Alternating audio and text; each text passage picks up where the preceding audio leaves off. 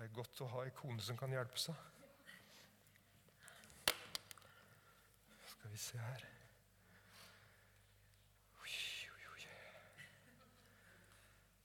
Skal vi se Ja, det er ledningen bak. Det ser du. Veldig godt nyttår til dere alle sammen. Nå er det bare jeg som ikke har sagt det. Var det noen som sa noe? Ja. Takk for det. Det er jo veldig fint å kunne si det til hverandre.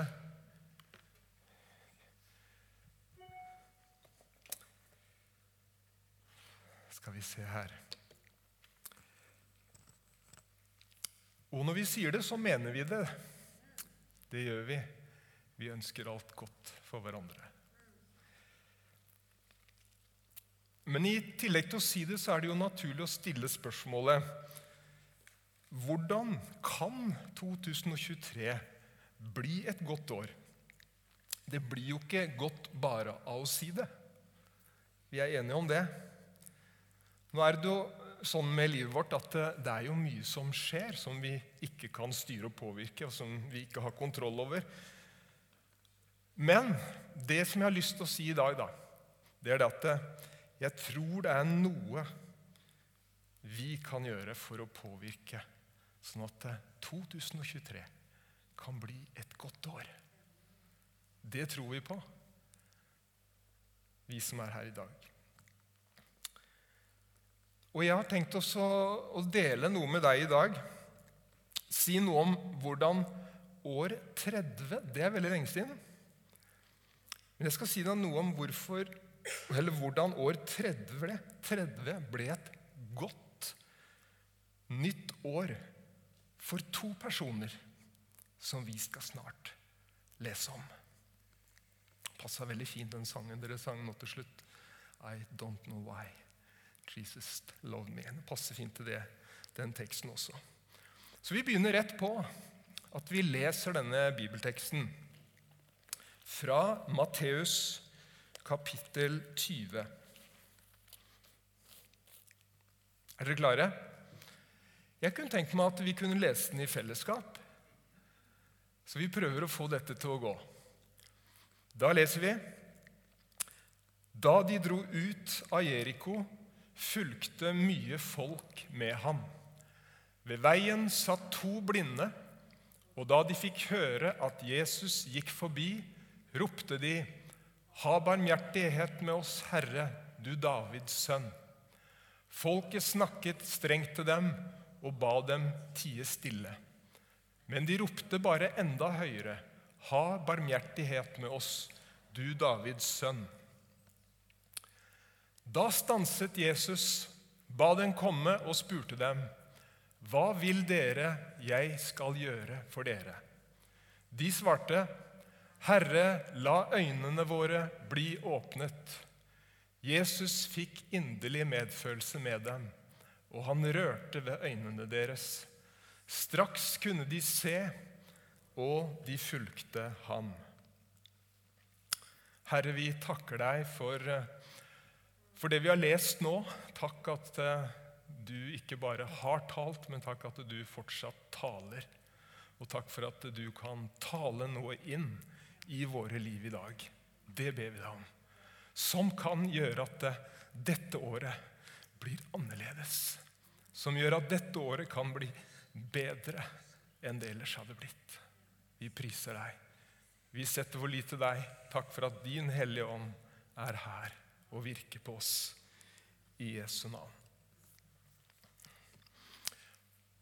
Og da er vi i gang. Jeg vet ikke om man på Jesu tid gjør sånn som vi gjør, at man ønska hverandre godt nyttår.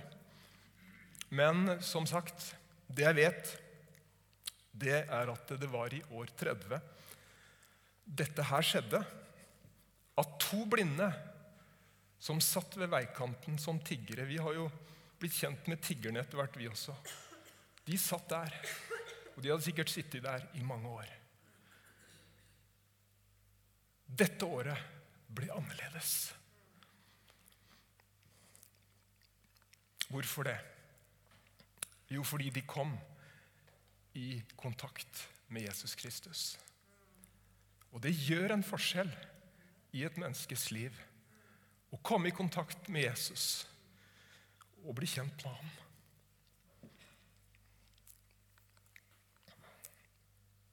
Jesus stansa opp med det resultat at de som hadde vært blinde hele livet, plutselig fikk et annerledes liv. De fikk synet tilbake. Og det er noe med det som vi opplever her, og som vi kan lese andre steder i evangelien. Det virker som om alt er mulig når Jesus stopper opp. Sånn som i teksten her. Og det som jeg har som overskrift Jeg vet ikke hva du syns om den overskriften, men jeg syns den er litt spennende. Her skjedde det ikke noe. Det har gått ut på dato. Det er det som står her. Det er spørsmålet over det jeg skal si i dag. Hva får Jesus til å stanse i 2023? Vi tror fortsatt på Jesus, gjør vi ikke det?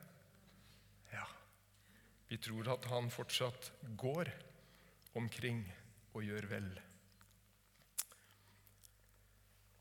Noen ganger så tenker jeg hva, hva er grunnen til at jeg gjør det jeg gjør, og bruker tida på det jeg bruker tida på?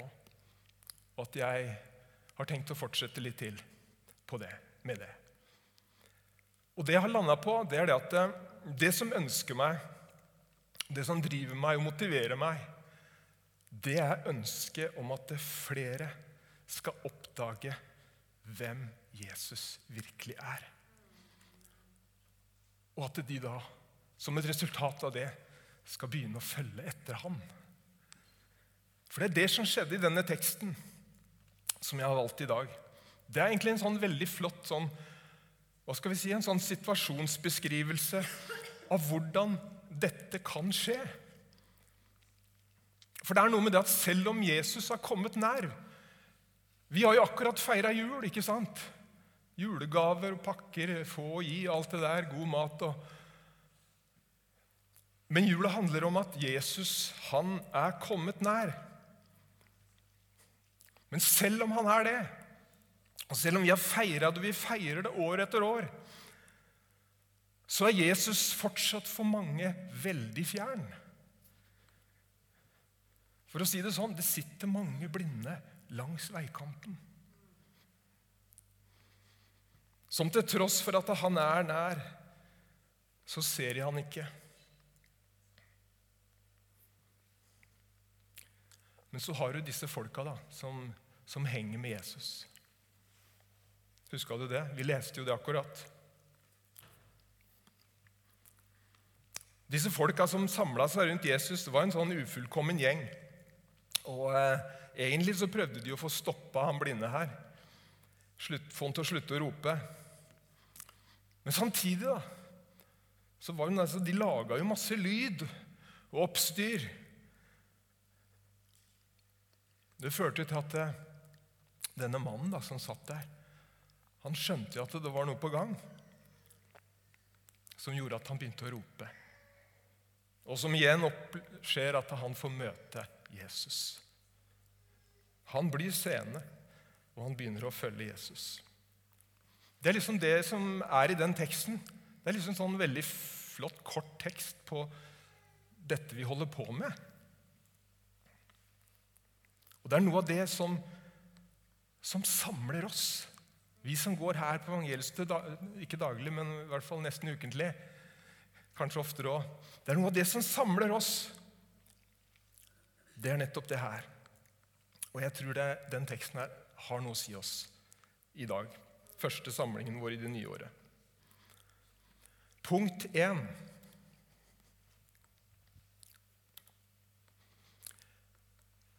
de samla seg rundt Jesus. Som jeg så vidt var inne på, det var noe som vekka oppmerksomheten til disse to blinde som satt langs veien. Det var sikkert stadig noe som gikk forbi der, men det var noe som vekka oppmerksomheten på dem. Og så er det nå engang sånn, det vet vi jo alle, at når du er blind, så ser du ikke. Men du hører. Og du hører ofte bedre enn oss andre. Du hører veldig godt når du er blind. Og det var nok noe av det som skjedde her.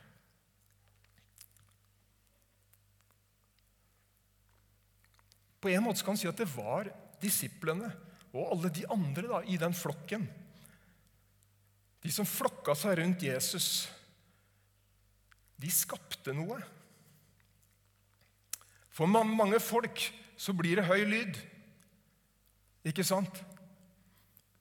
Og det ble skapt en sånn nysgjerrighet på hva som skjer. Derfor står det i vers 30 at de to blinde de fikk høre at Jesus gikk forbi. Og Da skal jeg snart komme til poenget mitt. Vet du hva? Som Inger allerede har sagt. Jeg tror det har noe for seg å samles rundt Jesus. Og vet du hva? Gjennom det så viser vi en begeistring for han. Jeg husker vi var i København for en del år siden, i eh, Kulturkirken. Der nede, en stor menighet. Også de som eh, var der. Jakob Tangstad var leder for den menigheten. er det sikkert også. De hadde bevisst eh, fått inn en som overhodet ikke interesserte seg for det her, som jeg vet ikke om han kalte seg ateist. Men de ønska å ha han til stede i en gudstjeneste for å høre hva han opplevde, og hvilket inntrykk han hadde. Og Så kjørte de gudstjenesten, og han var med til stede. Og eh, I ettertid så ønska de å snakke med han. Hva opplevde du? Hvordan var dette på deg? Hvordan reagerte du på det som skjedde? Og Så sier han forskjellige ting. Men så sier han at annet én ting. Det å se disse menneskene komme sammen, det å oppleve den entusiasmen og hengivenheten de hadde, ikke minst i lovsangen Det var til og med folk som løfta hendene. Det gjorde inntrykk på ham. Han skjønte at det var noe, selv om han ikke så det. Men han merka det, og han registrerte at det, her er det noe. Da skjønner du sikkert poenget mitt. Vi trenger å samles i Jesu navn. Vi trenger å flokke oss rundt Jesus. Komme på gudstjenester og på andre måter. Fordi det skaper et rykte. Det skaper en oppmerksomhet på de som ennå ikke ser ham. Jeg vet ikke om jeg, får så mye ut av det, kanskje du sier. Det betyr ikke så mye for meg. Men vet du hva? Kanskje det betyr noe for noen andre at du kommer. Kanskje det betyr noe for dine barn at du er her nå.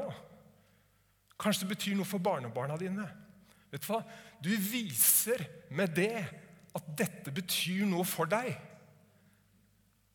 dette at Jesus er den viktigste personen i mitt liv. Hvis vi aldri kommer sammen, hvis vi bare er ti stykker her, eller 15 stykker Ja, hva, hva sier det for noe? Vi skulle egentlig vært fullt hus her. Vi har egentlig nok folk til det. Vet du hva? Kan ikke vi i det nye året være med å spre en litt større entusiasme for det vi tror på? For det vi tror betyr så mye. Ikke bare for deg, ikke bare for meg, men for de som ennå sitter på utsida. De som er blinde, de som ikke ser ham. Kanskje de begynner å skjønne at dette er virkelig. Dette betyr noe for disse folka. Jeg tror vi alle kan bidra til at det nye året blir et godt år. Kanskje ved at vi blir enda flinkere til å prioritere det å komme sammen i Jesu navn. kan hende ryktet begynner å gå om at Jesus faktisk er nær. Er det ikke nydelig å høre den barnegråten? Det er mitt siste barnebarn. Vi er her for våre barn og for våre barnebarn.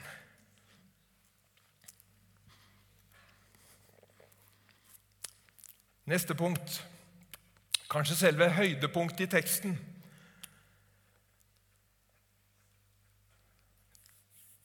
Det er det som skjer når Jesus stopper opp. Det er liksom det dirrende øyeblikket når Jesus til hele forsamlingens overraskelse plutselig stopper opp og vender sin oppmerksomhet mot disse to tiggerne som sitter langs veien. Det hadde ingen forventa. Vet du hva? Jesus har med å overraske. Han gjør det her. Jeg tror han ønsker å gjøre det også i det nye året. Se det for deg, da. Plutselig så ser Jesus to som sitter der. Vet du hva? Jesus han er ikke så opptatt av folkemengdene. Vi er mye mer opptatt av det. Han er mye mer opptatt av deg, og du som sitter der, og du som sitter der. Og disse to som sitter der. Det er sant. Og da er liksom Er det 1000 kroner spørsmålet de sier? Hva er det som får Jesus til plutselig å stanse? I vers 30 så leste vi da de fikk høre at Jesus gikk forbi, ropte de, 'Ha barmhjertighet med oss, du Davids sønn'. Den teksten her den handler egentlig mest om bønn. Den sier noe om hvordan deres bønn om nåde Det var jo det de ba om. Ha barmhjertighet med oss. Hvordan den på en måte den fanger Jesu oppmerksomhet midt i alt annet av lyd og, og støy. Den bønnen treffer Jesus. Deres bønn overdøver alt annet.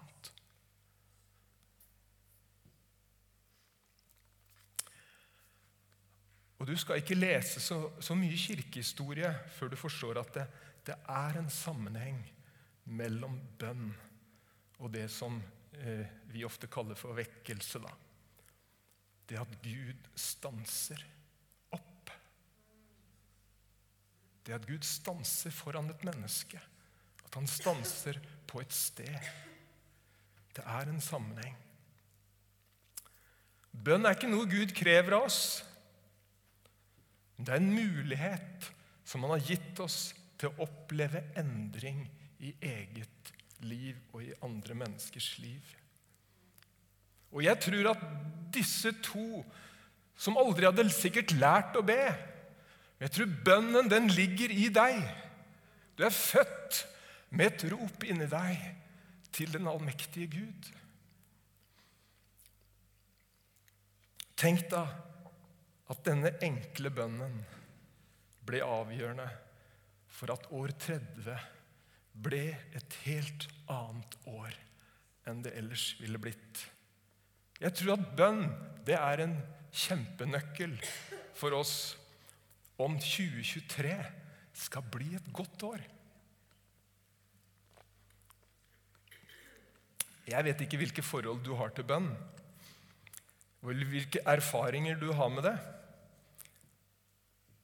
Det vet du bare sjøl. På en måte så er bønn både enkelt og litt krevende og vanskelig. Sånn kan jeg synes det. Kanskje du tenker at ja, Gud hører jo bønn, men jeg vet ikke om han hører mine bønner like mye som eh, en del andre bønner. Eller som en del andre menneskers bønner. En liten fin detalj i den teksten her som jeg bare må si litt fort, det er det at her står det nemlig at, om at det var to blinde. I de to andre evangeliene så står det bare at det er én. Her står det at det er to, og det var, det var nok helt sikkert to. Men de andre oppdaga bare den ene. Kanskje. Men det som er flott, det er at eh, vi ser at selv om Gud behandler oss individuelt, så gjør han ikke forskjell på folk. Ta med deg den. Det var to blinde som ba. De ba den samme bønnen, og de opplevde det samme bønnesvaret.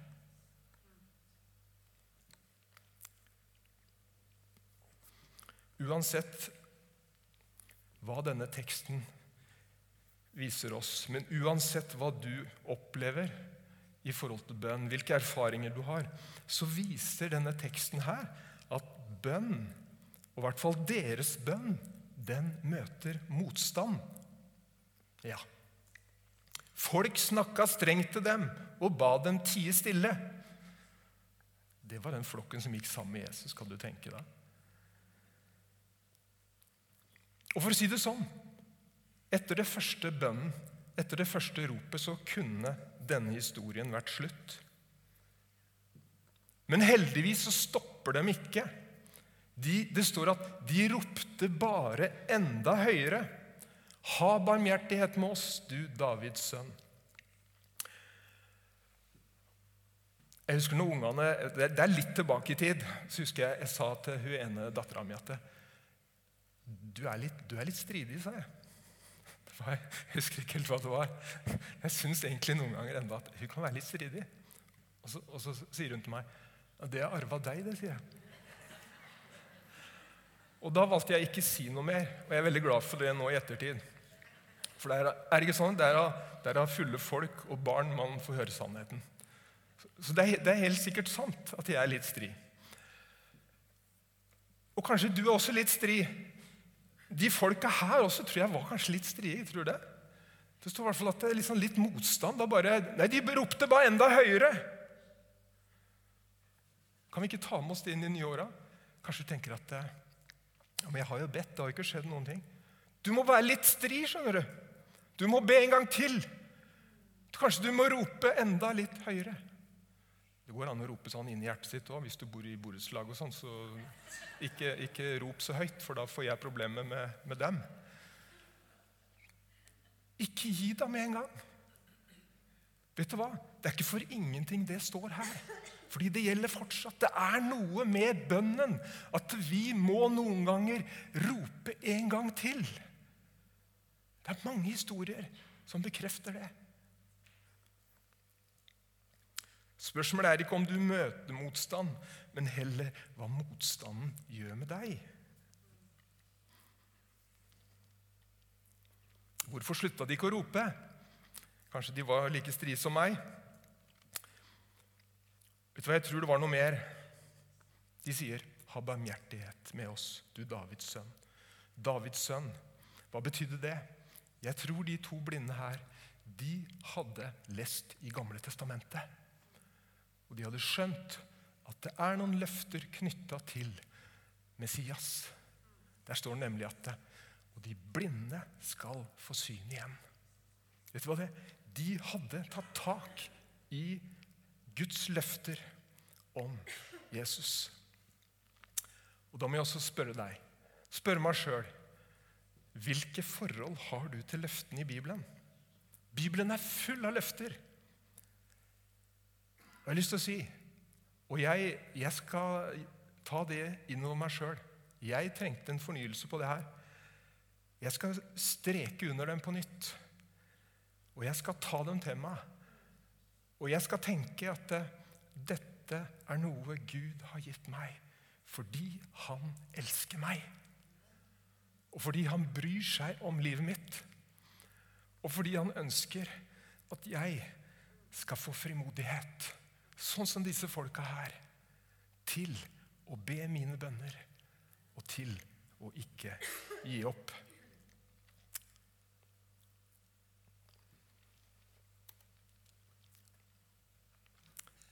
Og jeg tror det er siste punktet. Når Jesus begynner å tale Som sagt, resultatet av deres bønn var at Jesus stanset opp. Det skjer også noe når vi ber. Jesus stanser. Men det skjer noe mer. Han begynner å henvende seg til mennesker. Det er veldig bra å kunne tale til mennesker om Gud. Men det er mye sterkere når Gud begynner å henvende seg til mennesker. Og det kan hende du kjenner det i dag. At Gud legger noe litt sånn tyngre inn over deg. Vet du hva? Det kan være at Jesus henvender seg til deg. At han ønsker å gi deg noe som du trenger i det nye året, som kan gjøre 2023 til et bedre år for deg. Det er sånn det er. Jeg tror ikke vi hadde vært der hvis ikke vi hadde trodd på at Jesus er levende. At han er her iblant oss, usynlig. Men han virker. Det skjer at Jesus begynner å tale til oss. Og Jesus står plutselig foran disse to, og så stiller han dette spørsmålet. Hva vil dere at jeg skal gjøre for dere? Et fantastisk spørsmål. De hadde jo aldri sett det her for seg, at det skulle skje. Jeg klarer ikke å formidle det, men jeg gjør et forsøk. Jesus ønsker å møte deg på ditt rop om nåde. Og du skal ikke være overraska om han kommer til deg. At han stiller deg kanskje noe av det samme spørsmålet. Hva vil du at jeg skal gjøre for deg?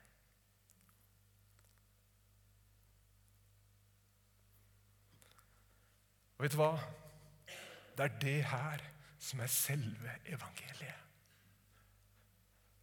Evangeliet handler ikke om hva vi skal gjøre for ham.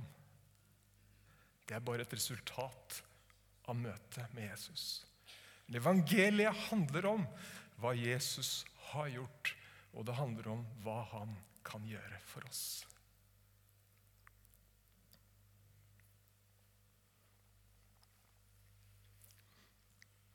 Skal vi snart feire nattverd? Nattverden er også et sånt sted hvor Jesus stanser opp.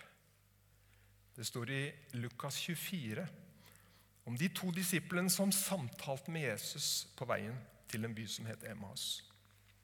Og så står det at da de kom til det stedet som tydeligvis i hvert fall en av de bodde, og de skulle til å gå inn i huset, så står det at det, da lot Jesus som om han ville gå videre. Men så står det Men da ba de ham inntrengende bli hos oss.